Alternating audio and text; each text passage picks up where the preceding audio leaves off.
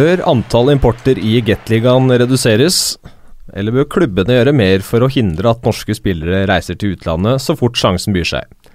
Er Gateligaen avgjort eh, nesten ti runder før slutt?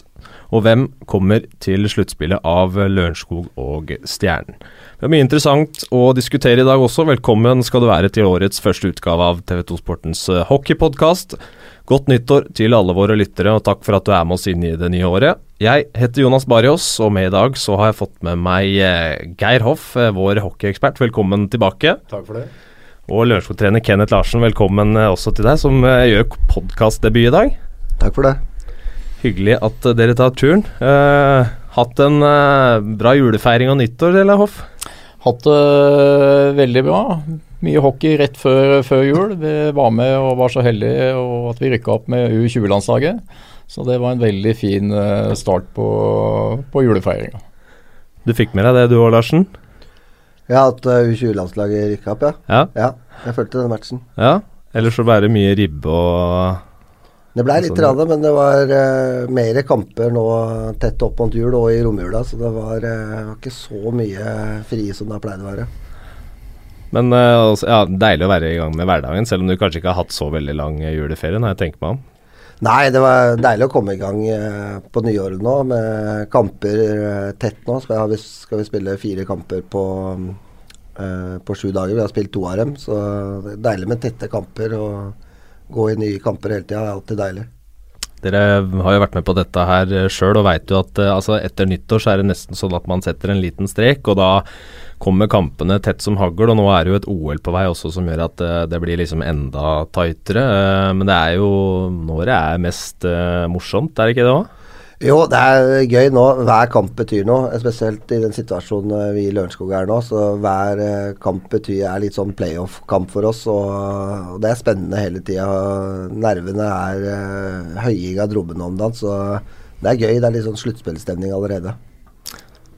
Ja, nei, jeg er helt enig. og Det er det som er herlig. Du, som du sier, du passerer jul og nyttår, og så begynner du å telle ned på kampene. Og så for første gang begynner du ordentlig å se på tabellen og se på, på en måte hvordan den kan utvikle seg. Og deres situasjon, da, som kriger om å få en av de playoff-plassene. Og de andre lagene begynner å se på Kanskje tenke litt hvem er det vi har mulighet til å møte i en eventuelt kvartfinale. Så ja, det blir mer og mer interessant utover. Så er det moro at uh, fortsatt alle slår alle, selv om Storhamar er ganske suverene på toppen. Så har de uh, gått på noen tap i det siste, dem også? Ja, jeg syns uh, Gateligaen har blitt mye mer interessant i år. Kongsvinger har jo meldt seg på, og hvis du ikke møter opp der, så, så er du i trøbbel.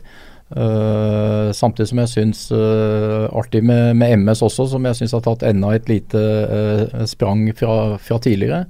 Så som du sier, alle kan slå alle, og det gjelder å være forberedt til, til hver eneste kamp. Ja, siden, vi, eller siden du nevnte MS, så kan vi jo godt uh, ta for oss den matchen som ble spilt i Sarpsborg i går. Uh, Sparta forrige runde med en sterk hjemmeseier mot uh, serieleder Storhamar. var vel da bare ni poeng bak, med en hengekamp til gode, så det kunne sett ut til å bli veldig spennende. Men får det veldig tøft eh, i Sparta Amfi mot et eh, Manglerud Star som etter hvert vinner 3 Det er imponerende av MS. Ja, det er det. Og ser du på historikken der også, altså, jeg, jeg, tror ikke MS var eh, veldig sånn stressa med å dra ned til, til Sarpsborg i går. De, de, har gjort bra matcher mot uh, Sparta sånn historisk sett, de, de, spesielt de siste, siste årene.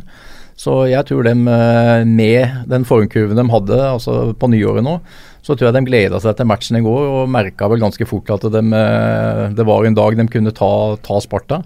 Men eh, ja, å slippe inn ett mål der nede på bortebane med et Sparta-lag som så ut til å være i form, det, det står respekt av. Ja, bra. Og så vant de vel sist gang i hjemmesalen 5-1 nå.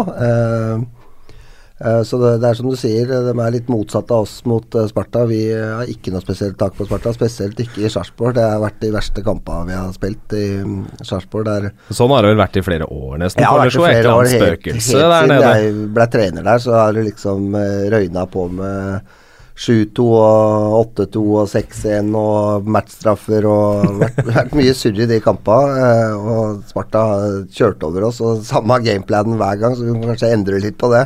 Det er vel en av få halve hvor Mats Trygg til og med har kasta hanskene, nesten. Ja, det var full, eh, full kalabalik der, og det er liksom Hver gang så prater vi om at uh, de første fem, nei ti minutta er, er tøffe i, i Sarpsborg, og hver gang så slipper vi mål, så vi må kanskje endre litt på det etter hvert. Nå har vi dem ikke, i hvert fall mer i serien i år, så, så Nei, det er, det er eh, stor respekt av MS å gå ned dit og og etter den Storhamar-kampen møtte de kanskje litt på riktig tidspunkt. At de var litt høye på seg sjøl etter Storhamar og knuste jo Storhamar der nede. Så og møter dem da, så er det lett å legge seg litt bakpå når MS eller Lørenskog eller de mindre lagene kommer opp. Så, så det var sterkt av MS. Jeg tenker på MS, og De gjorde jo en, eh, et bytte på keeperplassen der. Han Ja, Surek forsvant ut, og jeg tror det var fire kamper siden. Første kampen han eh, nye målvakten eh, Joyce, er ikke det han Jo, heter? ja. Joyce, ja. Det var vel mot dere og Lørenskog, hvor dere vant ganske komfortabelt, hvis jeg ikke husker feil. Ja, vant vi mye. 7-2, var, det- var det det?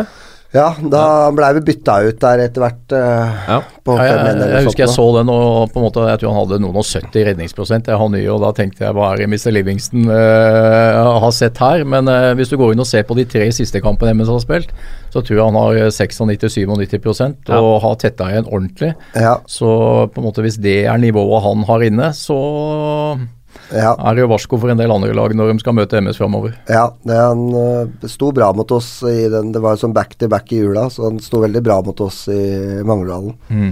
Uh, så en god keeper, men uh, uten altfor mye stats, egentlig. Så de var øh, gjort uh, god jobb med å få tak i han hvis han er Jeg, så men jeg, god. tror han, jeg tror han var der en periode uh, ganske lenge før, altså for å vise seg fram litt grann før de tok en avgjørelse på det.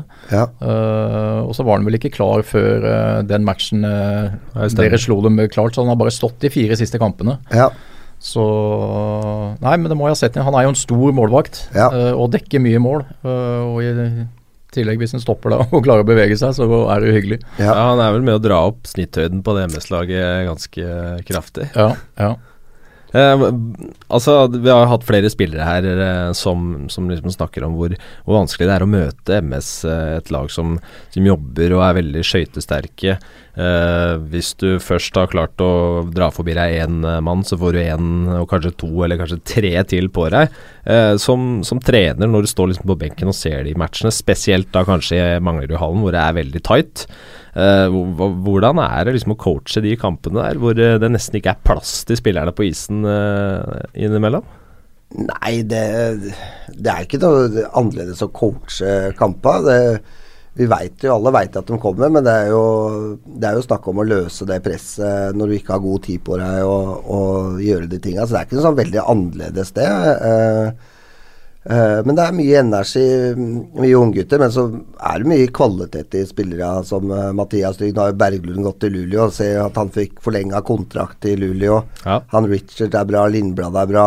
De er, de er sultne spillere òg, som ofte kommer til college og har kanskje dette litt utafor de største, som, som vil komme fram og sånne ting. Så har de, så har de en del bra backer. Han, eh, han sekseren der, husker ikke Fanvoris. ja, jeg vil ikke uttale akkurat det navnet, for det, det kunne fort bli gærent. Så det er bra å spille mye og bli vant til å spille mye og sånne ting. Så de har bra kvalitet i laget sitt, eh, MSO, i tillegg til at de jobber hardt. Og tror de har fått en sånn fin stemning der eh, oppe. sånn de på en måte veit bra samhold i laget der, de veit litt hva som gjelder. og og jeg syns Dave har gjort en bra jobb med det laget. Jeg tror han passer bra til å trene det MS-laget. Og, og de veit hva som gjelder hele tida. Det er en sammensatt gruppe, så bra lag. Eh, vi kan jo bare holde oss innafor Oslos grenser, egentlig, når vi er der. Og eh, stikke til uh, Furuset Forum, hvor eh, Vålerenga møtte Stavanger i går. Eh, en eh, ny tøff match det mellom de to lagene som har eh, møtt hverandre i mange spennende kamper opp gjennom åra. Uh, var vel uh, Rapuzzi som etter hvert eh, avgjorde i sudden death for uh, rogalendingene. Vant eh, 3-2 der Stavanger er fire poeng bak eh, Vålerenga i øyeblikket. 46 poeng på sjetteplass, mens Vålerenga har eh, 50. Um, kan starte med Vålerenga, eh, som har vært eh, sett veldig bra ut den siste tiden også. Ja, Vålerenga er et veldig bra lag. Eh, når de eh, er fulle, sånn har de eh, de tre importa svenskene sine i en første rekke. Og så har de da Ylven og Thomas Olsen, som har egentlig har vært knallbra. Synes faktisk eh, Og har han nye svensken synes veldig bra i, i går. Han eh, dro en stor tunnel på Rockset der og spilte Tobbe på blank, og spilte Tobbe på blank eh, senere i matchen òg, så han eh, den fungerte bra, men jeg syns den var enda bedre, den rekka faktisk, med Thomas Olsen der. Eh, og så spilte de vel med uh, Gunnarsson og Jeg miksa litt rundt om det etter han svensken kom. Gunnarsson og Oppøyen og, og Ylven i en andre rekke. Og så har de uh, Gunnarsson uh, og Fischer som har gjort en bra sesong i år. Og der kommer Stene inn etter hvert. Så det er ikke så mange lag som har det så mange lø gode løpere og hardtarbeidende løpere å skilte med. Og så har de en del bra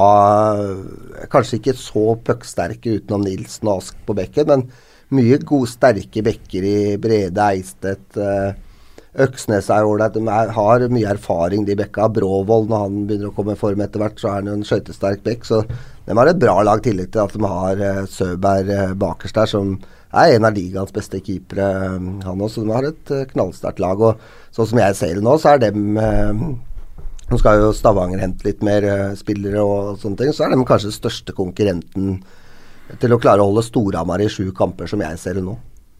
Hva tenker du om det, Geir? Nei, altså Jeg er enig i analysen til, til, til Larsen Ja, men jeg, jeg synes det er litt sånn uh, Hvis du går inn og ser på de siste kampene til, til Vålinga, da, uh, har vi fått tilbake en del, del, spillere, kjøpt inn, fått inn en ny en. Altså Laget er, hva skal jeg si, er litt breiere enn det var uh, i perioden tidligere, men de har gått på noen smeller. Sant? De har ikke tatt full pott i, i de siste kampene. Og ja, tenker på sånn, I den perioden den var veldig skadeprega og kriga, og det var store endringer i rekkesammensetninger, og det var andre som måtte gå inn og, og ta større roller. Da plukka de poengene. Så eh, jeg tror nok de tenker litt uh, på Jordal for, for, tiden også, hvordan de skal få uh, maskin, maskineriet til å funke når de er uh, fulltallige og full, full tropp. Absolutt. Hvordan rekkene skal se ut. og Du kasta jo litt ut der en Thomas Olsen som har, har vært god var jo veldig god når han spilte sammen uh, uh, Lindstrøm og hvem var sistemann der igjen? Aholm. Aholm, ja. Nå har de jo justert det og kasta han nye svensken inn i den rekka. Ja. ja kanskje, kanskje, om det er riktig eller feil. Det, ja, det er jo ofte sånn som trener at du, du, på en måte vil at han nye skal komme inn og ta en rolle og, ja, Få gode omgivelser. Ting. Ja, få litt omgivelser og få en rolle og sånne ting. Samtidig som det er vanskelig det å å ta ut Thomas Olsen, som det har kanskje vært Gateligaens beste rekke nå, når, eh, når Larivé og Jensen og Dahlstrøm Når Dahlstrøm har vært litt skada nå, utenom dem, så har de kanskje vært eh, Gateligaens beste rekke. Og så blir du på en måte putta ut derfra, så hva er det han skal gjøre for å spille i første mm. Så, men eh, eh, Vålerenga var veldig sterke, det skal de ha når de var skade, så skadeprega som de var, og tok så mye poeng da. Det så henger, henger, det litt sammen med altså Sørberg hadde jo en fantastisk periode der også. Han, ja. han sto kjempegodt samtidig som de spilte altså, veldig tight uh, forsvarsspill uh, rundt den. Og Det er jo ofte det som skjer da når du får litt uh, spillere tilbake. og sånn, ikke sant? Så forandrer du kanskje litt grann på spillet. Du, du, skaper litt mer offensivt. Du kanskje får litt mer overgang imot deg enn du, du, du hadde gjort tidligere. Så, så, det er sammensatt det der. Men uh, alt i alt Vålinga et uh, solid lag. Og jeg så matchen i går. Og Det var en, altså en bra Gateliga-kamp i går. En, mm. en, tøff, hard fysisk match og to lag som sto veldig godt mot hverandre. Så men Oilers vinner på overtid. Ja, det er Litt sånn tilfeldigheter. Uh, var kanskje det beste laget sånn hvis du ser alt over 60 minutter. Så, men Vålinga er ikke noe ønskemotstander i en eventuell kvartfinale, vil jeg tro. Nei, de, de, de, eh, jeg syns de var sterke i går, Vålinga. Ja. Altså, de Gunnarsson-brødrene Oppøyen, de smalt på Som du sier, det var veldig fysisk kamp. og mm. Og det er jo også litt sånn med Når du var inne på keepere der, at Søberg hadde en veldig bra periode når de var skadeprega, mm. og de jobba rundt Søberg. og Jeg husker jeg hadde problemer med Vi spilte undertall, altså og så hadde ganske bra eh, for noen år siden, når Henrik Ødegaard var i, i Lørenskog. Og så begynte det å gå nedover med den undertallsstatistikken hele tida. Og så sier jeg til Henrik er det noe vi gjør annerledes eller eh, sånn? Nei, vi gjør akkurat det samme, men nå har keeperen vår stått uh, sto bedre i den perioden vi mm. gjorde, så han er den viktigste spilleren i, i undertallet, keeperen, og, og, for å skape i de kampene. Så det er jo ofte du overanalyserer litt som trener, og så er det egentlig bare at keeperen er litt mer i rute når du gjør det bra. Det blir fort synlig når han ikke er på topp. ja. Hva med Stavanger, da? Altså, de, de har jo hatt uh, noen seire nå den siste tiden, uh, hvor liksom du kan uh, ja, De retta blikket framover og liksom tenkte ja, nå er vi på, er vi på gang. Og De har sett litt sånn uh, Sett litt sterkere ut, men så har de fått seg en kilevink og liksom mm. tapte mot Kongsvinger for ikke lenge siden. Um, nå er det jo vært prat der om at uh, de skal bruke noen uh, millioner på styrkelaget. Uh, en av de som har blitt uh, rykta inn, som jeg plukka på Twitter, Brock Trotter. Uh, som har over 200 kamper i AHL. Uh, eh, gjort uh, 174 poeng. Han er, han er, klar, tror jeg. Han er klar, han er klar. Ja. Mm. Han er klar. hvis det er der lista skal ligge. Altså Det virker jo som en bra signering, men nå har jo flere av dem gjort det, da, som ikke har fungert. Mm -hmm. Hva tenker du om Stavanger framover, Larsen? Nei, Jeg tror det blir bra, men det er klart de har vunnet veldig mye de siste åra. Og så ble det jo klart ganske tidlig at eh, de ikke kom til å være med i gullkampen. Litt pga. at uh, alle så at Storhamar hadde veldig sterkt lag. Uh, at de ikke bare takk bare inn 20 poeng på dem sånn på et kvarter. Så, så dem, dem, uh, dem, fant ut det, og da er det vanskelig å motivere seg for å, å slåss om en tredjeplass. Og da kanskje de har sniket seg en litt sånn tanke at her, åssen vi redder sesongen nå De har jo et krevende publikum, høye forventninger til laget. at Åssen de skal eh, redde sesongen nå, det er å vinne et sluttspill. Så de går, eh, tenker jeg, all in for sluttspill. Så den blir jo selvfølgelig et eh, bra sluttspill med mye spillere som veit åssen det er å vinne. Og den erfaringa der eh, kommer til å bli veldig bra for dem i et sluttspill. Og det, det, tenker nok de laga som eh, ligger eh, på topp fire òg, at det er ikke helt gull å komme på den firerplassen. Så se åssen det blir prega litt etter hvert òg. Men uh, sånn som Oilers uh, framsto i, i, går, uh, så begynte det å bli litt fasong på det igjen. For altså, spillet var ganske likt det vi har sett i perioden, men i går så var det litt mer tempo i det de dreiv med. De spilte hardere, var mer gjennomførte på taktikken sin og sånn. og Hvis du ser sånn under sesongen sett også, de har jo slitt som mange andre lag med masse, masse skader. Det har jo vært mye folk ute i lang tid, samt at måte, de såkalte eh, toppspillerne på en måte har underprestert litt. Og noen av de nye gutta som har kommet inn, har vel kanskje ikke nådd det nivået som det de hadde håpa på. Eh, men i går så syns jeg det begynte å, for dems del, var klar positiv, positiv retning.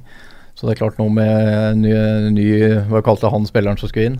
Uh, trotter. Ja, med ja. han inn også, så begynner det uh, fort å og Pluss de de har fått tilbake fra skallen. Nå var det vel bare Solberg som ikke uh, spilte i går. da begynner jo Oilers å bli ordentlig, ordentlig tunge. og ja, Det skal bli interessant å følge den framover. For det som det de gjorde i går, i hvert fall, det ga signaler på at det, det ikke blir noe lett motstander framover. Nei, Vi har jo dem i morgen, så, så jeg så de spilte hardt og bra. Og ja. har jo selvfølgelig mye kvalitet i laget sitt. Og når de får det litt på plass, så mm, var en del, eh, sikkert en del spillere som på en måte fikk nye roller i år og, og sånne ting. Så har det vært litt sånn usikkerhet rundt alt sammen. Det, det preger laget, det selvfølgelig. Men det er jo ganske forutsigbart måten de spiller på. Jeg veit ikke hvordan du tenker som trener når altså når du scouter dem i går da, og skal møte dem i morgen. Altså, Syns du det er noe spesielt de driver med som du må ta hensyn til? Ja, ja, det er det, men uh, det er det stort sett på, på alle lag. Mm. Altså, det er de faste situasjonene som oppspill og hva de gjør i powerplay og åssen spiller forsvarsspiller. Nå spiller jo alle med overload uh, i forsvarsspillet stort sett, så, så, så, det er det ikke. Men det er når folk er så gode Eh, så gode at eh, du, du, henger ikke med for det. Mm. Så det er jo den kvaliteten, de ferdighetene som kommer inn hele tida. Um, så, så, det er jo Du veit jo hva Bolt driver med på 100-meteren nå, men det er ikke sikkert du klarer å ta han igjen for det. Så. Nei, men det er vel sånn på en måte Oilers har vært under den si Thoresen-perioden, og ja. til dels i fjor også, at det måtte ha vært, eh, hva skal jeg si, laget har vært så massivt At de har bare på en måte tromma på i løpet av 60 minutter, og så har det vært sånn som du sier, gode ferdigheter i tillegg. Ja. Men det har liksom det er, ja, det er klart de hadde Kissel og van Gildi og disse her som kunne trylle litt innimellom, så, så gjorde jo det utslag. Ja. Men som ofte så har det jo vært eh, på en måte det harde eh, mekaniske lagarbeidet som har eh, gjort at de har vært så solide over tid. da. Ja, og det, det, er noe, det er jo ikke noe lett å ta over etter Thoresen eller for uh, Gulbrandsen, selv om han gjorde en veldig bra sesong i fjor og vant til double.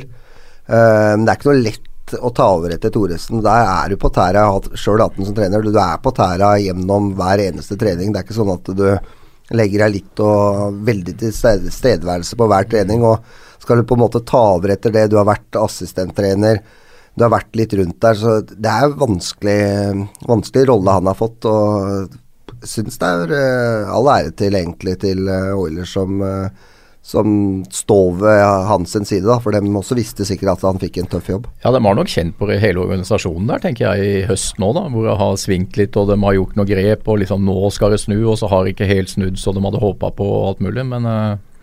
Ja, Vi får se om de vokser på. Men så har jo andre lag blitt bedre òg. Altså, ja. Det er jo ikke sånn at dem, dem, altså, at det er dem som har blitt mye dårligere. Altså, De har jo dette litt, selvfølgelig, men det er jo Storhamar har jo et knallag. Asker har et veldig bra lag. Det er flere som Vålerenga har veldig bra lag, som vi har prata om. Så det er mye små, bra lag. Små marginer. Altså, I fjor hadde de van Gilder og Kissel.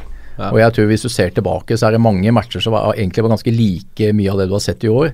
Men de hadde på en måte ferdigheter til å gå inn og sette ett-to mål i avgjørende leger. og ja, Så vinner du den, den kampen du taper i år med ett mål. Den vant du i fjor med, med, med, det ene. Og så var det egentlig to gode enkeltprestasjoner fra noen gode spillere som, eh, som var forskjellen. og ja, Det tror jeg de har kjent, kjent litt på i år. da. Ja, absolutt.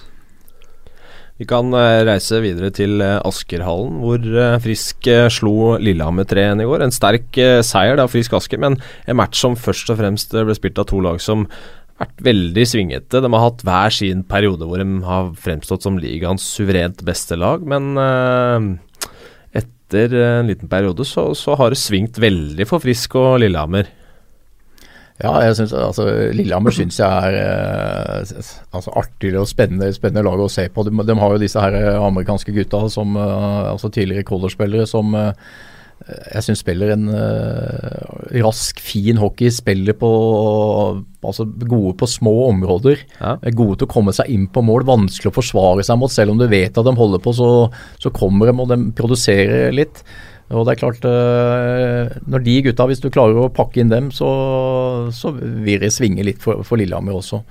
Ja, de er tøffe å spille mot. De spiller jo powerplay sitt uh, innafor uh, på en måte nesten droppesirkla, for mm. de har uh, skillsa til å spille sånn. De slipper, som Geir sier, på små flater. og og det er jo de mest underholdende spillere å se på i Gateligaen. Vigier, eh, Morley, Cameron eh, og Bennick og dem, dem, er jo underholdende å se på. Det er jo ofte jeg liksom nesten føler at det går litt tilbake til 80-tallet noen ganger når de spiller med å stoppe opp og slippe til neste, og de spiller ikke helt sånn det er ikke alltid de legger det inn på offensiv blue line i bånn. De stopper plutselig opp og slipper en kort puck, og de har bra kvaliteter. og Se på han Vigier, han fungerer jo nesten som en coach utpå der. Han er veldig smart, spiller og styrer opp mm. dropper. Mm. Gjør riktig valg. Det er sjelden du ser han gjøre dårlig valg utpå der. Jeg tror nesten ikke jeg har sett det, og jeg har sett det mye. Så jeg tror nesten ikke jeg har sett han gjøre dårlig valg utpå der. Uh, ja, og, og mye av spilleren driver med, som du sier, det er ikke noe som på en måte Jeg tror som treneren står og tegner opp på tavla. Altså De spiller på instinkt, og de, de kjenner ja. hverandre. og Du ser en del pasninger spiller de jo nesten i blinde, ikke sant? for de, de kjenner bevegelsesmønsteret til hverandre. Uh, og det, det, er de gode til, og det er på en måte noe kanskje du savner fra noen andre lag. da Når du sitter og ser på at alt blir veldig sånn styrt opp og mekanisk, da så kan de gutta på en måte finne på det utroligste og vanskelig å forsvare seg mot, vil jeg tro. Ja, det er jo der du noen ganger har, du har lyst til å spille sånn, og så føler du at du ikke har helt kvaliteten alltid. Mm. Og så føler du at du taper mer kamper og blir litt sånn, og da blir det veldig sånn uh, dumpe og jage. Da blir vi trenere litt feige og spiller på liten risiko og får pucka i bånn hele tida. Ja. Men når du har den kvaliteten, så tjener du mye mer enn det du taper på å spille sånn. De eventuelt overganga, det blir mer bra enn dårlig ut av det. Lekent og underholdende, det er ingen tvil om. Hva med Frisk? Hvordan, eller Hva syns du om det laget i år? Altså, De har jo et veldig bra lag, det er ingen tvil om. Ja, det er vel De er jo forsvarsspillet. Det, som Gro Harlem Brundtland, alt henger jo sammen med alt. Og det er sikkert arbeidsforholda til Dalberg Dahlberg som, eh, som De har jo bra backer i Ødegård, Ødegaard, som elsker å spille mot de beste spillere i ligaen og ødelegger for dem, har gjort liksom det til sin rolle og er veldig god i den rollen. Og så har de de to amerikanere og Bastiansen i midten der, og så har de fått inn han Zapponari med med Medby, som spiller vel, spiller vel der. Og så har de blitt lysta Jacobsen litt som senter der, som har hatt tunge rekker å møte. Og så har de en del uh, skøytesterke spillere, som de, sånn i bakhånd Kokossa og, og, de gutta der. Så de har et veldig bra lag med en del bra bekker. Og så har de fått fram sånn som uh, gitt han uh, Nicolay Endre Andresen. Andresen ja eh, flere år. Han er jo en, blitt en stabil back nå, sånn, sammen med Frøystad. Og så de har et veldig bra lag, tunge å møte. Eh, så jeg er litt overraska at det har svingt så mye for dem. Eh, nå mista de jo en, eh, en amerikaner. Altså det var liksom klepp mellom han og, og han Lamorox, vel, og ja. Zappenari. Og da, ja. det merker alle lag at du mister sånne klassespillere.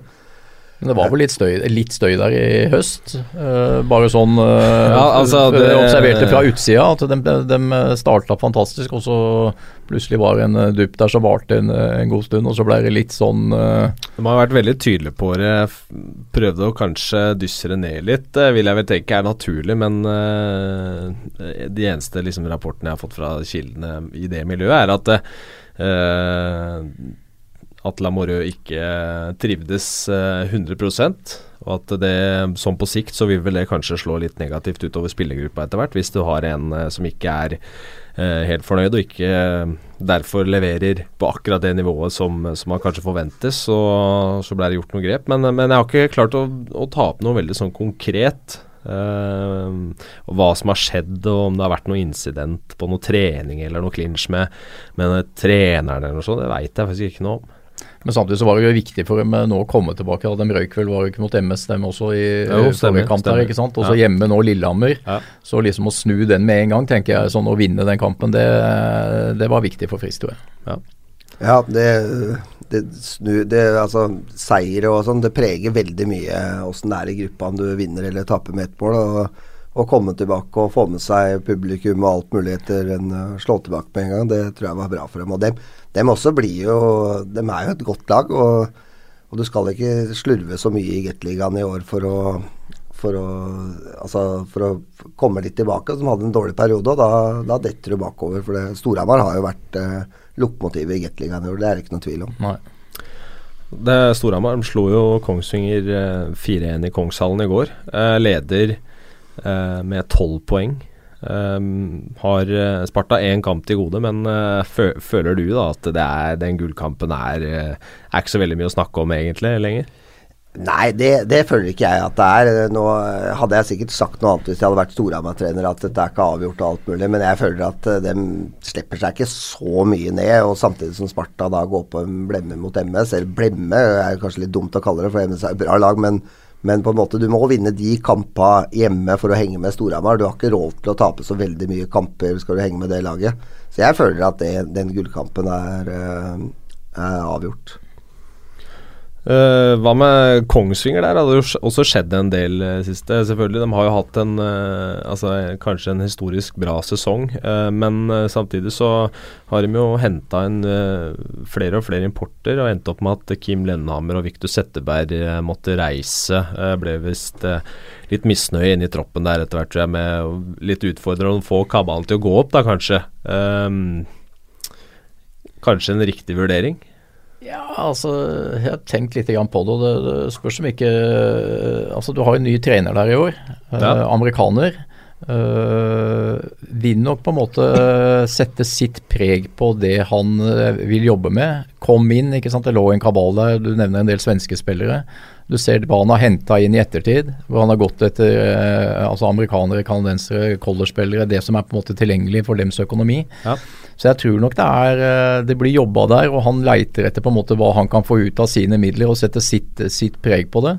Og da har han nok fått go til å handle inn litt, og så slipper han opp eh, på andre sida med de svenskene som han har eh, Ja, ikke har plass til, rett og slett, uh, ja. framover.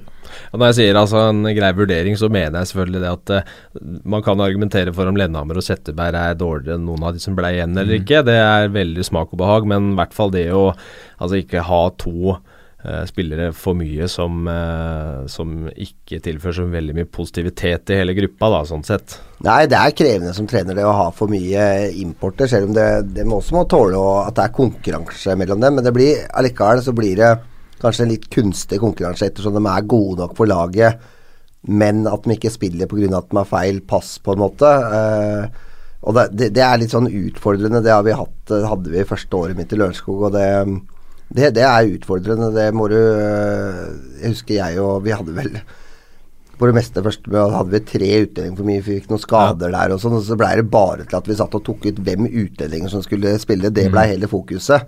Og så var det ganske jevnt mellom utdelinga. Så han som ble plassert nummer åtte, han kunne være nummer én til neste kamp. Så det, det ble veldig mye fokus tatt vekk fra spillergruppa i og med hvem som skulle spille hele tida. Så, så det, det, er utfordrende. Nå veit jeg ikke hva grunnen til at har kvitta seg med og fram og tilbake, da. Men samtidig så har jo han Settegren vært der i mange år og vært litt stammer, eller en av stammene i laget der og, og sånne ting. Og han blir vel norsk om eller uh, kan gå inn på norske ja. kvota ja, litt. Rann, og, ja. Så er litt sånn uh, skummelt å bytte ut det som på en måte er litt stammen og vært lojale og vært i Kongsvinger flere år og, og, sånne ting, og kanskje mister noen av de amerikanerne neste år, og hva skal du erstatte med? Og det er nytt jag og en klubb med lite ressurser, selvfølgelig, dem også. Uh, og så skal du ut og skalte nye spillere, og det er, litt, det er vanskelig balansegang, det der. Men eh, da, altså, det med, med import og sånn har vært litt utfordrende for deres del også. Hadde veldig mye skade på et tidspunkt. Uh, Blei henta inn noen nye. Og så har man også uh, mista, mista både Strømberg og, og Hamill, uh, som har reist Strømberg tilbake til Allsvenskan og Hamill til den tsjekkiske ligaen. Uh, hvordan er uh, Altså, si de vurderingene der, da, når du midt i en sesong uh, Hvorfor henter du inn en, uh, en ny en når man f.eks. har Strømberg, da, som var blant de beste poengplukkerne i laget? Hva, hvordan er den vurderinga der? Ja, det var, Strømberg var, var en litt sånn Altså, ikke i risiko, men jeg var litt spent på han som spiller, åssen han kunne gjøre i Gateligaen. Ja. Uh, er jo en veldig pucksikker, eh, god i powerplay, men selvfølgelig, han er 42 år og har sin måte å spille powerplay. Ja. Uh, så, det ikke har passa helt inn med åssen jeg ville spille med mye fart oppover. Han ville holde den igjen. Jeg hadde veldig mye skade på bekka. var en um, periode både Trygg og Drew som skulle være av bekkstammen vår med de unggutta satt opp som begge to har skada. Da på en måte ble det mye lemping ut å få Conny Strømberg til å jobbe hardt på de pucka. Da. Det, det, er jo ikke hans stil, på en måte, Nei. og det er helt fair. Uh, og Derfor skrev vi også en kort kontrakt med Conny for å, for å ha en uh, på en måte outlet, og ble jeg og Conny enige om. og det, det var helt uh, på en måte fair og greit, det. Og så fikk vi tilbud om David litt ut i sesongen der, som fikk sparken i Slovakia. Uh, og da syns vi Han hadde uh, prata litt med Nathan Longpris som har spilt med før, og fortalt litt åssen spiller det var, og, og, sånne ting. Og da henta vi inn han, og så ville vi ikke stoppe Zack Hamill til å Hvis han vil dra til Tsjekkia, på en måte, så vil vi ikke stoppe hans sin at han, Vi vil holde igjen han pga. at uh, han har skrevet kontrakt med oss. Selvfølgelig hadde vi juridisk rett til det, men vi vil liksom ikke holde igjen spillere som vil et annet sted enn å være i Lørenskog. Eh, det um, Sender vel ikke kanskje riktige signaler til de andre som er der? Eh, Nei, vi, vi, gjorde det samme med Robin Dahlstrøm. Han hadde jo kontrakt med oss i fjor, og han ville til AIK. Og da lot vi ham gå til, eh, til AIK. Så, så vi, vi syns at det er greit å slippe spillere, og også når vi skal diskutere med nye spillere, at ok, kommer opp et tilbud, så skal du få lov å gå. Hvis det ikke er helt kritisk. Eh, eh, sånn som vi ser det der og da, så, så, så må vi la dem få lov å gå. Uh, en veldig spennende situasjon for deres del nå. Det er jo en kamp om man kommer til Eller om det blir sluttspill eller kvalik for Lørenskog i øyeblikket. Spilte mot Stjernen uh, i går og vant uh, eh, 3-2 etter straffer. ble vel så spennende som det kunne blitt den matchen også, men en veldig viktig seier for deres del. da ja, det var viktig, men Stjernen ligger for, fortsatt foran oss på tabellen, så vi får jage og jobbe på de kampene som uh, står igjen. Uh, og vi skulle jo selvfølgelig hatt med oss tre poeng, men uh, hadde Stjernen fått med seg tre poeng, så hadde det begynt å bli litt langt opp til dem òg, etter hvert. Ja, Selv om ja. det går jo fort, selvfølgelig. Men, men eh, dem har jo kjøpt inn litt nye spillere og ser eh, sterkere og sterkere ut, dem òg. Og fått litt nygiv etter ny trener og, og fått litt ny energi inn i laget og sånne ting. Så det blir en eh, tøff reise helt ute. Hvordan er ståa, tenker jeg. Sånn, nå har dere jo vært oppe og kjent på det, hvis du ser sesongene før hvor det har vært uh, satsa enda hardere. da. Og det å på en måte ligge der dere gjør nå, er klubben stressa?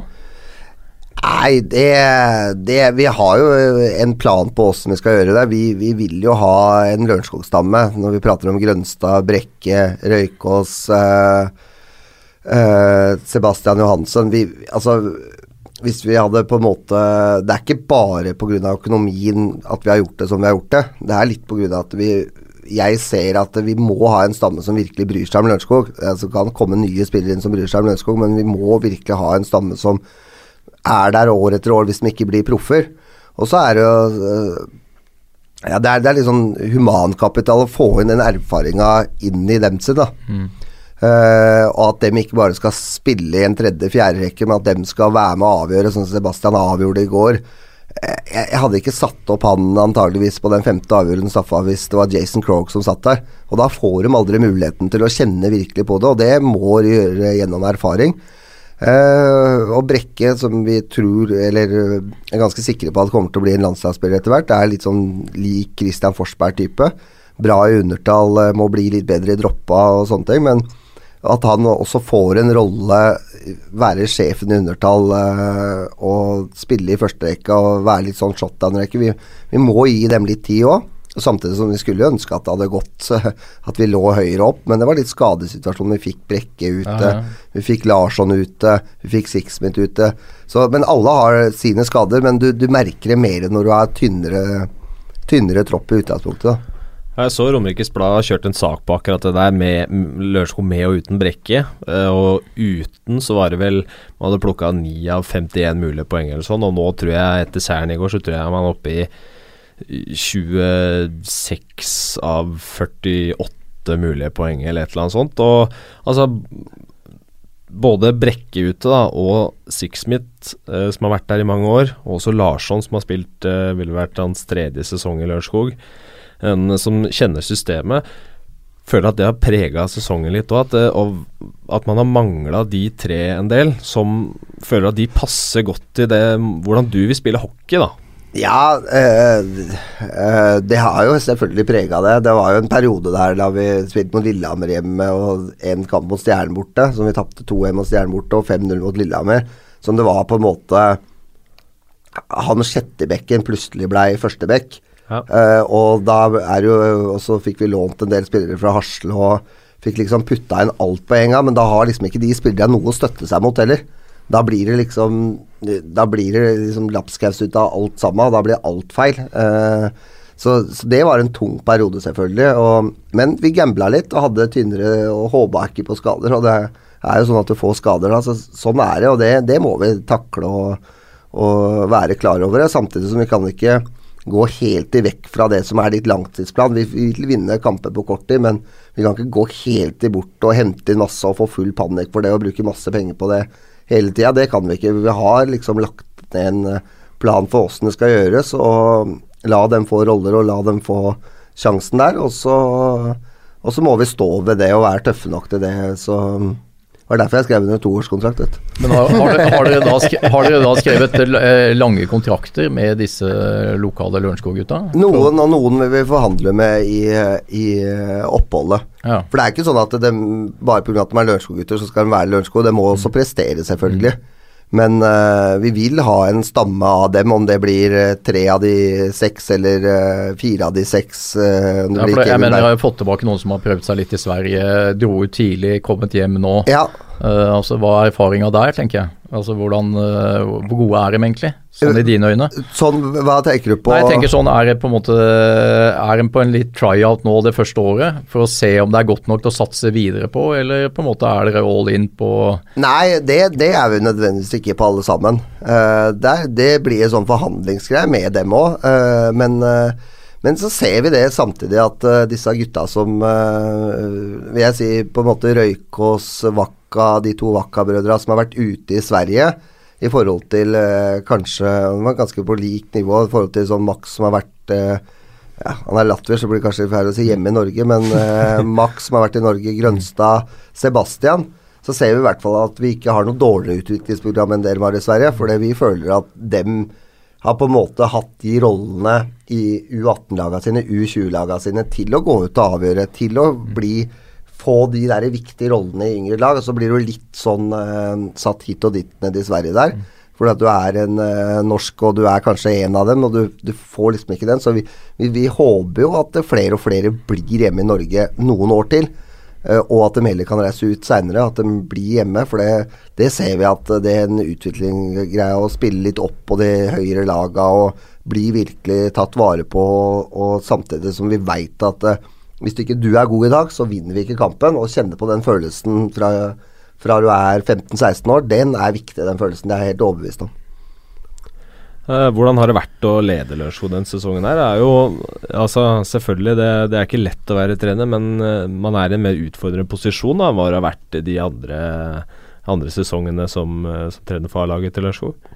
Det er mye av det samme, men det var jo en ny situasjon for meg òg, som du kanskje, kanskje, tok en del ting for gitt at dette her kunne de på en måte. Ja. Eh, du er kanskje litt mer på en del av spillere. Du, du behandler ikke Jason Krogh og Lavik likt, på en måte. Er liksom De gjør feil som du kanskje blir forbanna på, for at uh, det er så åpenbare feil, men som kanskje ikke dem har vært borti så mye i så høyt tempo. Så så jeg må liksom jobbe litt med tålmodigheten min, jeg òg. For jeg vil gjerne at ting skal skje fort. Så jeg må puste litt i bakken noen ganger når ikke ting skjer så fort som jeg vil. For jeg kan ikke regne med at de er på nivå til en som har spilt 200 NHL-kamper med en gang. Så, men Føler du du vokser på det?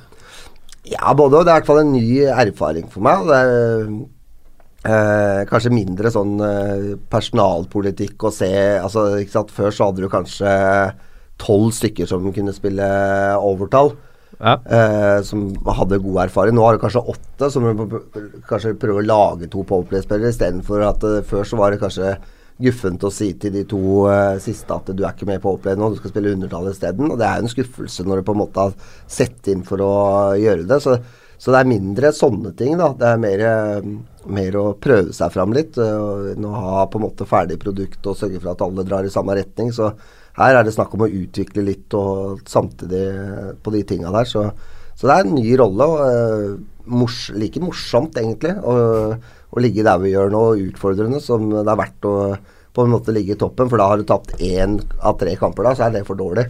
Ja. Men uh, det er ikke nå, så, så det, det, er litt sånn både òg. Du hadde jo en eh, lang karriere, Larsen, som spiller sjøl. Det er jo kanskje for folk flest eh, som kjenner spilleren Kenneth Larsen bedre enn treneren. Eh, åtte eh, NM-gull med Vålerenga, eh, 706 kamper i, på øverste nivå i Norge og, og i sluttspillet. Eh, hvordan, hvordan, var det egentlig du endte opp som hockeytrener? Nei, var, jeg var jo litt i Vålerenga eh, etter Lørenskog eh, og avslutta der. Jeg var ja. ikke god nok til å spille på Lørenskog lenger, så jeg var eh, spilte et halvt år i Vålerenga. Ja, var det godt noe. for deg egentlig det, syns du det var ålreit å få avslutta Ja, det syns jeg sånn personlig sett, eh, ja. på en måte. Når dem ikke hadde brukt for meg lenger, hadde jeg kontrakt med Lørenskog, men Lørenskog var veldig feil mot meg og slapp meg ned når jeg satt der på krakken da jeg var 35. Det er ikke det er ikke, det er ikke så høy i hatten da. Nei. Nei. så da var det en ferie og sa at da var det noe med Tønsberg som ville hente meg og alt mulig. Det var jeg litt mer usikker på, husker jeg. Og så ja, Hva skal jeg gjøre? Og så var det Så øh, prata jeg litt med Espen om det. Og så prata vi litt om kanskje jeg kunne spilt ut sesongen i Vålerenga. Og, og det blei vi enige om. Og så var vi vel på Metro, jeg og Kjære, på konditoriet der og skrev under en i, nei, kontrakt i full hast. Og så ble det klart. Så det, det er alltid litt deilig. Det var der jeg kom fra. Det var deilig å få avslutta, avslutta der. Og så prata jeg litt med, med, Stig, og så tok jeg over U18-laget og jobba litt i markedsavdelinga. Selv om det ikke ble altfor mye salg ut av, ut av det jeg drev med da. så jobba vi litt der sammen med Tom Nordli og og Edvardsen og, og, sånn. Så det var litt sånn gutteklubben der. Og så trente U18 samtidig, og så vant vi med U18. Og så gikk det Det blei vel trukket noen poeng, og så jeg avslutta han vel med M han som er MS-trener i dag, David Livingston. Og så, og så spurte vel Stig meg eh, og Atle meg, som var sportssjef den gangen, om jeg kunne ta over. Og da sa jeg egentlig nei første gangen. At jeg, det var jeg ikke interessert i etter bare ett år. Og så pusha de meg litt til, og så sa jeg ja, det var greit. Og, og det endte jo med total fiasko første sesongen, så, så vi gjorde det bra på begynnelsen, og så var ja det rakna? Det rakna, for å si det. Ja, var det ikke ni strake tap eller noe helt på slutten der, da? Jo, det var nesten så kuleramma gikk ut der. Så det var jo Vi lå jo liksom ganske bra an hele tida. Det var vel ja. vi og Asker og, som liksom, og Storhamar gjorde det veldig bra den sesongen. Så overraskende bra ja, med Berglund og sånn. Så. Ja, var det, da, det var da både Storhamar og Lillehammer var i semifinale i sluttspillet, var det ikke det? I kamp sju mot Vålerenga og Stavanger, mener jeg å huske. Men det er mulig jeg er, det er mulig, Eller det er mulig det var året før. Nå husker jeg ikke helt. Ja, vi, men, uh, nei, vi gikk i hvert fall ut mot Sparta. Stemmer, ja, det stemmer, så, det stemmer. Så, ja, så det var, det var mye Det var mye hummer og kanari, kanari da, så det, det, var en tøff sesong å starte da. Det, men den turte å satse på meg videre. Jeg vet ikke om jeg hadde giddet det som eier med den sesongen der, så, eller sportssjef og eier, så jeg hadde vel kanskje fira meg til én, men fikk, og så gikk det bedre sesongen etter og sesongen ja. etter det, da. Men, men ja, det var sånn jeg blei trener. Og, og, det er et morsomt yrke, men uh, ikke halvparten så morsomt som bare spiller. Um, det er jo altså hva skal man si, den, den, andre sesongen gikk jo veldig mye bedre. Uh, og så var det, det var en veldig bra grunnserie, eller en serie, da, forrige sesong.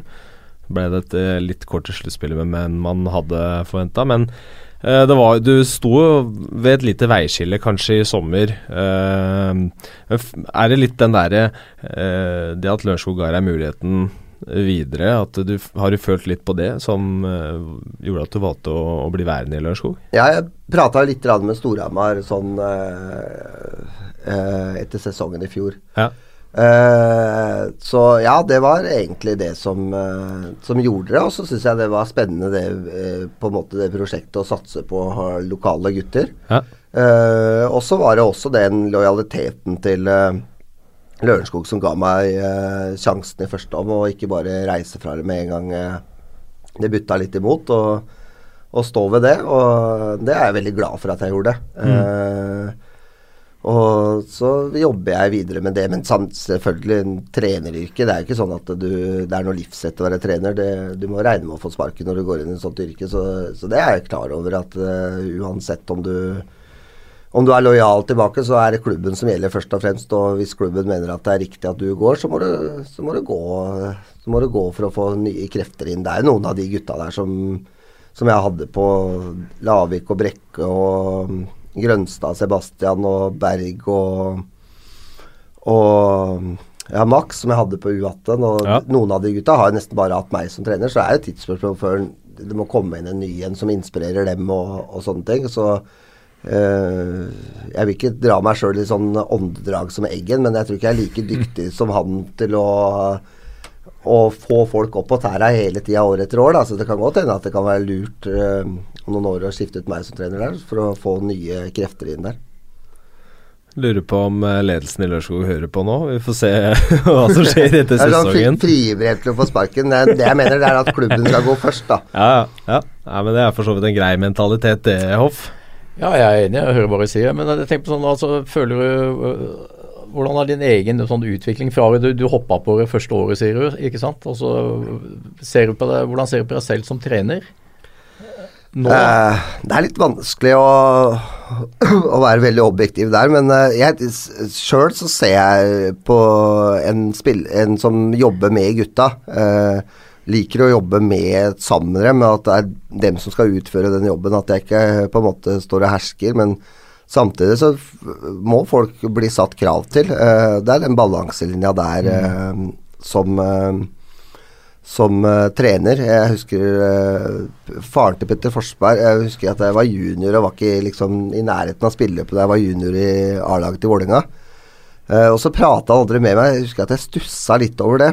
Uh, hvorfor prater de Nå gjorde jeg det bra på den treninga, og nå må jeg nærme meg snart. Og det var litt sånn, men, Men det merker jeg også på meg sjøl som trener, at du vrir om huet litt da. For du, det er ikke alltid du på en måte klarer å, å coache de Nå er jeg ganske mye aleine på treningsfeltet, jeg har med meg Steve McDonald i tillegg, men at du ikke på en måte klarer alle rollene. Da. Så jeg skjønner en del uh, har to-tre trenere og sånn i, i større ligaer. For det, det, er ikke alt du klarer å få med deg alt hele tida og jobbe med det individuelle hele tida og sånne ting. Men men uh, ja, jeg ser på meg sjøl i hvert fall som en bedre coach enn trener, på en måte. Uh, jeg skulle ønske at jeg hadde litt mer uh,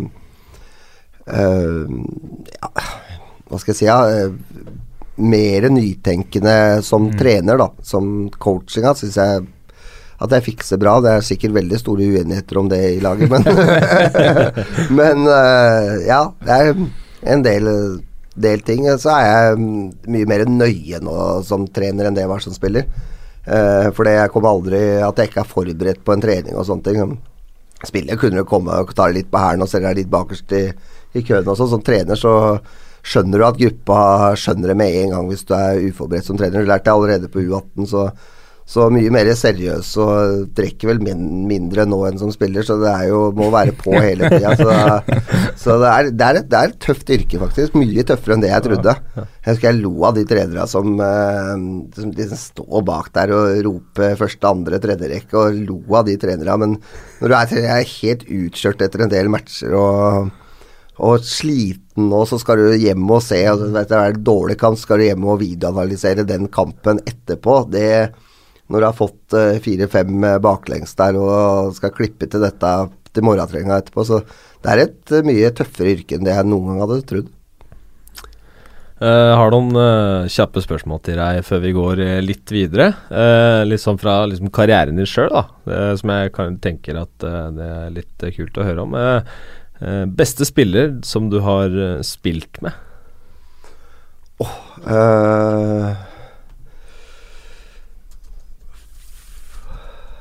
fungerte veldig godt sammen med, sammen med Matte Sollimb. Selvfølgelig en uh, veldig god spiller som, uh, som kompletterte min dårlige skøytegåing med å måtte gå dobbelt så mye. Det sa jeg til ham før hver kamp, at du må gå på skøyter, for det, det er ikke jeg noe spesielt god til, så du må gå. Så han, måtte, han ble, var jo veldig ung da òg, var rundt 20 år, så han ble piska, piska rundt der. Og han har jo hadde, var jo ganske tøff da òg, så han, selv om jeg var ti år eldre enn og jeg var 30 og han var 20, så turte han å snakke tilbake, og da ble det en del munnhuggeri. Men bra, sånn, bra spillere å spille med for meg som var treg på, på hjernen. Eh, beste du har spilt mot, da? Eller kanskje verste er vel kanskje et bedre ord, da. Som er vanskeligst å møte.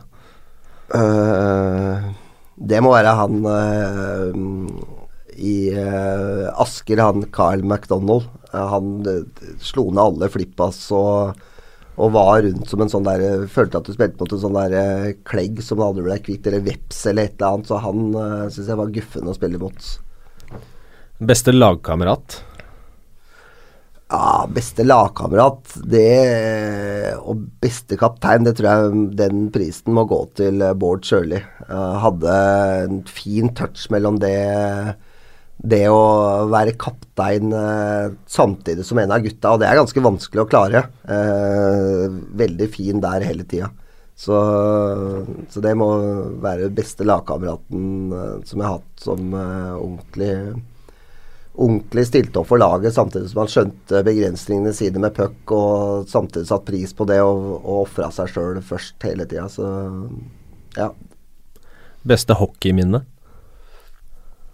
Uh, uh, det må være egentlig uh, den siste Når jeg avgjorde for Vålerenga siste, for da hadde jeg egentlig et ganske dårlig sluttspill. Jeg var egentlig satt på benken før sluttspillet, liksom i fjerde rekka, spilte litt. Rann. Fikk noen skade på bekken, så jeg spilte bekk der og fikk lov å på en måte avslutte i Vålerenga med å avgjøre den uh, etter en litt dårlig Og fikk veldig oppbacking av gutta hele tida. For jeg var jo ja. altså jeg var jo 32 år da og satt på benken, og, og gutta pesa meg hele tida. Og jeg på en måte tok del i laget, selv om jeg ikke spilte noe spilte bra. Så det var morsomt å få avgjort den kampen når du var litt nede. Da. Du tar jo veldig personlig både som spiller og, og du prøver ikke å gjøre det så mye som trener, at du ikke spiller sånn som du vil ha. Men det var, det var morsomt å få være med på. Beste spiller du har coacha? Eh, beste spiller Det var, det var vanskelig spørsmål. Uh, den som var veldig behagelig å coache uh, Jeg vet ikke om han beste har vært heldig og fått coacha mye gode spillere, men den som var veldig behagelig å coache, det var, uh, var faktisk Jason Krogh.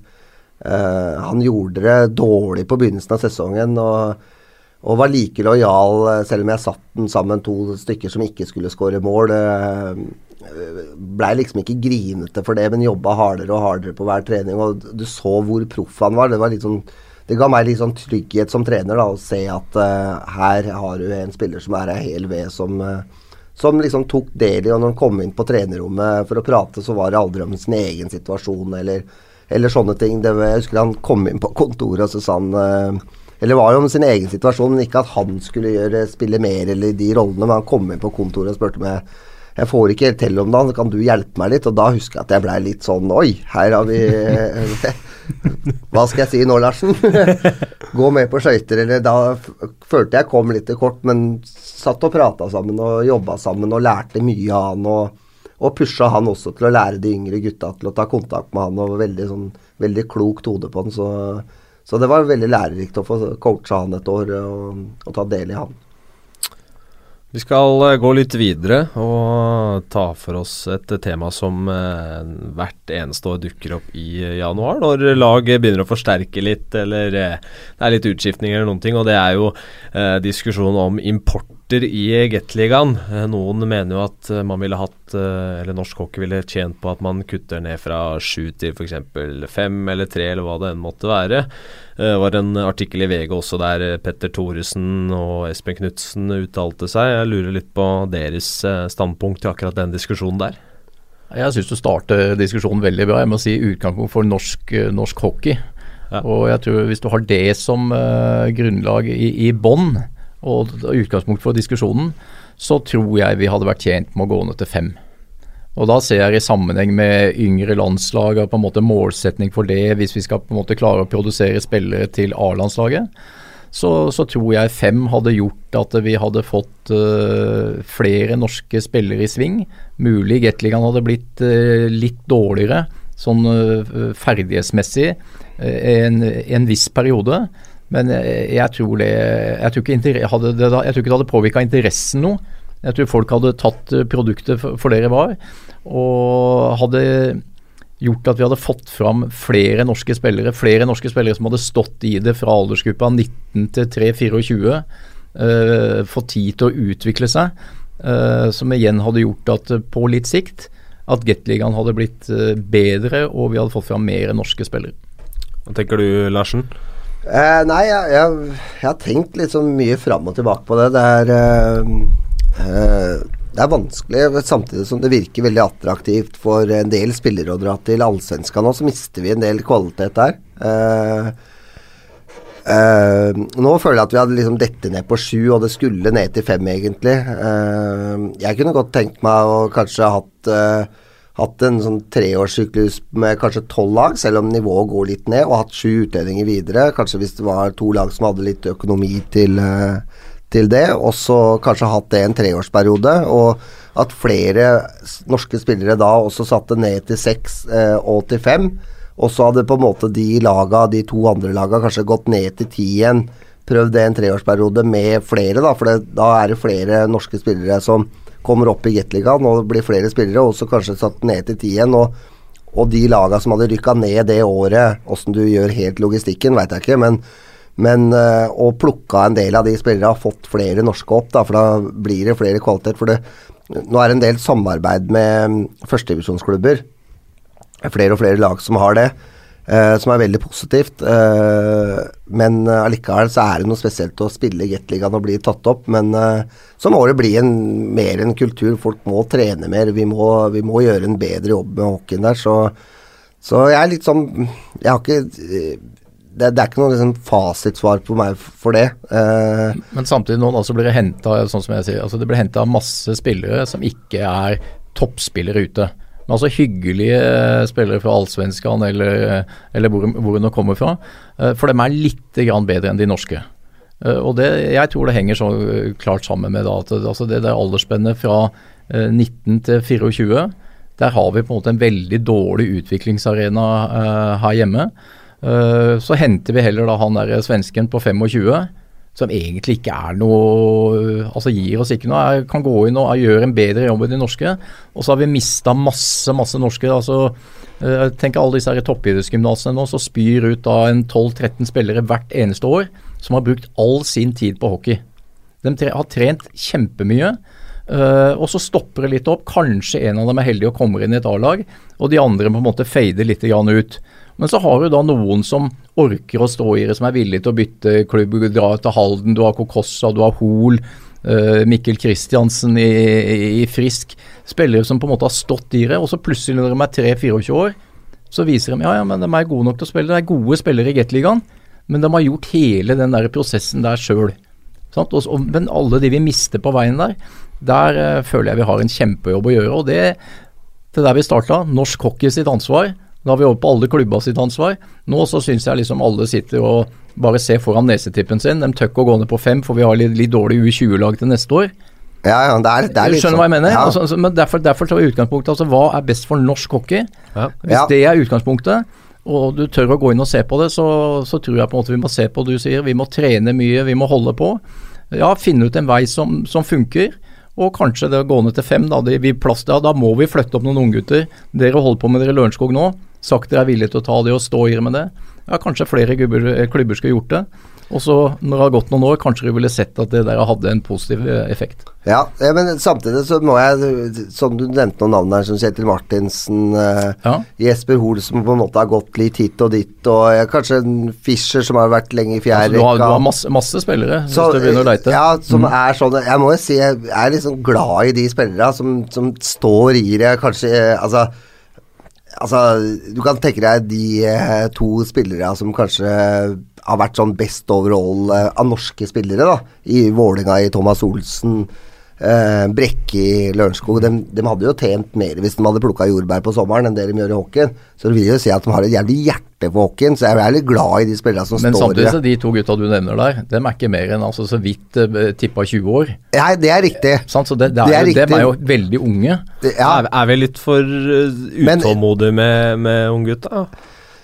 Ja, og selvfølgelig så, så Altså, de begynner å bli 2-23 år, så ser de kameratene sine rundt seg. Hva var en selgejobb og tjene penger og alt mulig sånn. Og de, og de vil jo flytte for seg sjøl etter hvert og, og, sånne ting. Og det var det jeg mente med egentlig dem, da, som er veldig gode spillere.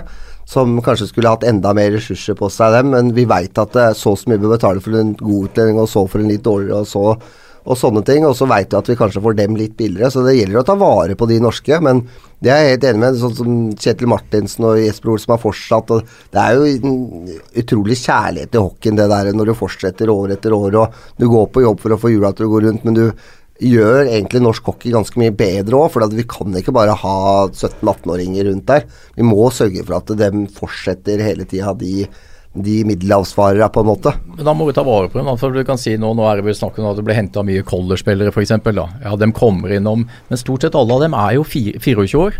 Ja. Sant? Altså De har fått sin reise der borte. De har spilt juniorhockey, de har spilt collegehockey, og så har de blitt menn. Ja. Sant? Og så sier vi ja, men vi kan få han for uh, Jeg har ikke peiling hva det koster, men, men altså, vi tar ikke vare på våre egne.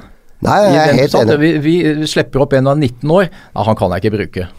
Ja, ja. Og så forsvinner han ut, og så kanskje han står i rett år og trener, og så er det sånn som du sier, ja, ja, må ha smør på brødskiva etter hvert, han òg. Ja. Og så, så detter det ut da, så, så tar hun utdannelse. Jeg sier ikke det at det er noe gærent, men det er en sånn hockeymessig, ja. så må vi se på på en måte altså internt i klubbene og samarbeid med førstedivisjon, som du sier, men det krever jo at førstedivisjon også har ressurser til å ja. og drifter sånn at disse gutta utvikler seg. Så, så det, er, det, er, ikke noe tvil om det at vi må vi, Med to utlendinger mindre, så hadde alle klubbene fått mer ressurser på norske. Men spørsmålet er, åssen vi hadde brukt det. Hadde, vi, hadde alle jaga etter eh, Ødegaard og Tommy Christiansen, da, de, de som er etablerte, på en måte, eller hadde vi lagt mer ressurser i dem som er oppe og coming, eller hadde lønningene til de aller beste gått bare enda mer opp. Det er det som er litt uh... Ja, det er altså Mest sannsynlig så hadde kanskje lønningene på de fem utlendingene gått opp.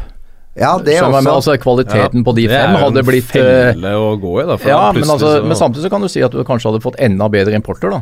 Ja, det er Skjønner sant. du, noe, Det noe er å strekke seg etter. Og jeg tror det er veldig viktig for disse her unge spillere som kommer opp, å ha på en måte ordentlig gode spillere å, å se opp til. Ja. Eh, Du får lov å trene med dem. altså Du fanger opp ting i hverdagen som, eh, ja, som du, du tar med deg og, og utvikler deg på. da. Men jeg tror på en måte du altså Hvis vi skal få med flere norske, norske da, så, så må det være mulig til å For det blir trent så mye nå. Så det å på en måte tro at en norsk spiller skal henge med i tre, fire, fem år før han på en måte når nivå, og gjøre det gratis når det blir trent to ganger om dagen, Ja. det, det, det er utopi. Det, det, Ja, ja. det, går ikke for folk. men så er det litt sånn der, der det er, eh, sånn den derre grensa rundt det òg, da, ikke sant. Sånn som Max, for eksempel, eh, som er i vår klubb, som er Han spilte ungdomsåra sine i Lørenskog og, og sånne ting, som er da på dobbelt pass, og så har du da Larivé er vel snart kanskje på øh, kvota Ja, nå, så har han Settegren øh, gifta seg med norsk også. Det, det er jo ikke det som er poenget med regelen, at vi skal liksom kjøre doble pass eh, hele veien for å, for å få svensker til å bli norske og sånne Nei, ting. Det er jo sånn det funker nå. ja, det er jo det. Ja. Og da er jo den regelen er jo i utgangspunktet en gentleman's agreement. I, nå har de nedsatt det eller noe sånt, nå mente jeg Håkan sa, men, men det er jo ikke det som var grunnprinsippet fra norsk hockey, at vi skal få flest mulig svensker til å bytte pass. Det begynte vi allerede med. Med, med Ryman til, uh, Erik Ryman spilte landslagshockey fordi han tok en plass fra en norsk spiller på landslag. Og det er liksom Men vi klubba, vi liksom Oi, jeg skal prøve å vinne, for det er jobben din, ikke sant? Å prøve å vinne. Så, så vi må liksom vi vi, må, vi må prate om det igjen. Det kan ikke bare Ja, nå er det sju, og så kan alle bytte pass, og så Det blir ikke noen flere plass til noen unge spillere hvis vi bytter pass. Altså Nei, det er jeg helt enig med, men jeg liker tilbake til det du sa. Sånn, at du ga et eksempel med Brekke Henriksen. da. Altså Jeg savner litt det, eller sånn eh, Hvis det på en måte hadde vært eh, noe som gikk igjen i alle Gatlia-klubber, det er stort sett der utviklinga skjer sånn på toppnivå. Eh, Du sier han kommer inn, og dere har stor tro på han framover. Og du på en måte dyrker han litt. Grann, da. Altså Du putter han inn i situasjoner. På, på sikt så ser du at det kommer til å bli en, en veldig solid spiller, mest sannsynlig. Eh, Den tankegangen, da. Altså Når du får opp spillere som du på en måte tar opp når de er 19, da, og stå i det og på en måte uh, dyrke de norske spillerne litt. Grann. Altså, du, kan ta samme eksempel på Lillehammer, som har på en måte alle disse amerikanere som spiller, spiller masse. Men du har noen unggutter der også som er kjempespennende. Nord, Ellingsen og disse gutta her. Altså, ja, altså, men altså, selv om han er eh, svensken eller hva det er litt bedre for øyeblikket, ja, da må du kanskje putte han andre utpå, da. Ja, Putt men- Nord utpå, da, hvis du skjønner hva jeg mener. det, så, jeg er ikke så skinnhellig, Altså, mm. hvis, jeg, hvis jeg på en måte tror at en amerikaner kan avgjøre denne kampen istedenfor Brekke, så setter jeg ut på han Det amerikaneren. er litt, det er litt Men- for meg, Larsen. Jeg sitter på utsida. Så, så setter jeg ut på han amerikaneren, men det er, det er liksom sånn at det er nedfelt litt i klubben. da Det er det Ja. jeg har litt trygghet med. da At det er liksom Dem skal vi gi sjansen. Og det sånn skal det De skal få Så det du ønsker da en sportssjef som på en måte hadde Ja. tredd den hatten eh, Ja, du må og- tre litt nedover, for Ja. akkurat når du står der, så bare gjør du det. Så du, hvis du på en måte Oi, nå er han her, han setter pucken, og da han Nei, han er norsk, så jeg det, Sånn skjer ikke, for vi trenere er jo vil jo vinne den kampen. Det er jo hele livet for oss å vinne den Mm. kampen. Men hvis eh, klubba gir treneren litt trygghet, at sånn og sånn skal vi satse framover, nå skal vi dyrke litt i, i sånne ting, og, og da på en måte ser du Og da, det har vi jo sett med Brekke Henriksen, at dette her funker jo. Eh, det, ikke sant? Han klargjør det, og det, han er en utrolig ressurs for oss. Og, men eh, du må liksom gi dem litt sjansen, og noen må si at du skal gi dem sjansen. Jeg føler vi kunne sittet her i flere dager nesten og diskutert det her, og det er nok veldig mange som gjerne skulle fått eh, komme med innspill også. Eh, men eh, vi er dessverre nødt til å sette punktum der, for dessverre for oss, men selvfølgelig hyggelig for moderne media, så er det flere som skal spille en podkast i studio her i dag. Så vi er derfor nødt til å runde av, så bare si tusen takk, Geir, for at du tok turen igjen. Takk, takk. Det var hyggelig. Og, ja, og takk til deg også, Larsen, for at du fant tid til dette i en hektisk eh, hverdag. Takk, takk. Så bare minne om at uh, det som vanlig skjer uh, mye på hockeyfronten uh, om dagen. Det er en ny Gateliga-runde allerede i morgen. Larsen, dere skal til Stavanger. Det blir en tøff match, det. Ja, det blir en tøff match. Men det er gøy å spille der òg, samtidig som vi klarte å slå dem på overtid sist. Eh, men vi har tapt mye der nede òg, med veldig bra lag. Så, men det er alltid en spesiell ramme å komme ned til Stavanger med fin hall og, god kaffe og bra trenerrom, og jeg har jo bedre trenerrom der enn det jeg har i Lørenskogdalen. så, så er, du føler deg som en litt sånn proff. Jeg lurer på, jeg pleier å pusse skoa litt før jeg skal ned dit. Uh, jeg skal ta turen sammen med Erik Follestad til Lillehammer, hvor Sparta kommer på besøk. Det blir også en uh, spennende match. Ellers er det bare å følge med på da Sportskanalen fra 1825 på torsdag. Eventuelt så er det bare å henge med på Sumo fra de andre ishallene. Jeg blir også veldig takknemlig hvis uh, du går inn og gir oss en liten vurdering på iTunes. Det er alltid hyggelig å ta med seg. og utover det så får jeg bare si tusen takk for følget. Så er vi tilbake om to uker, vi. Adjø.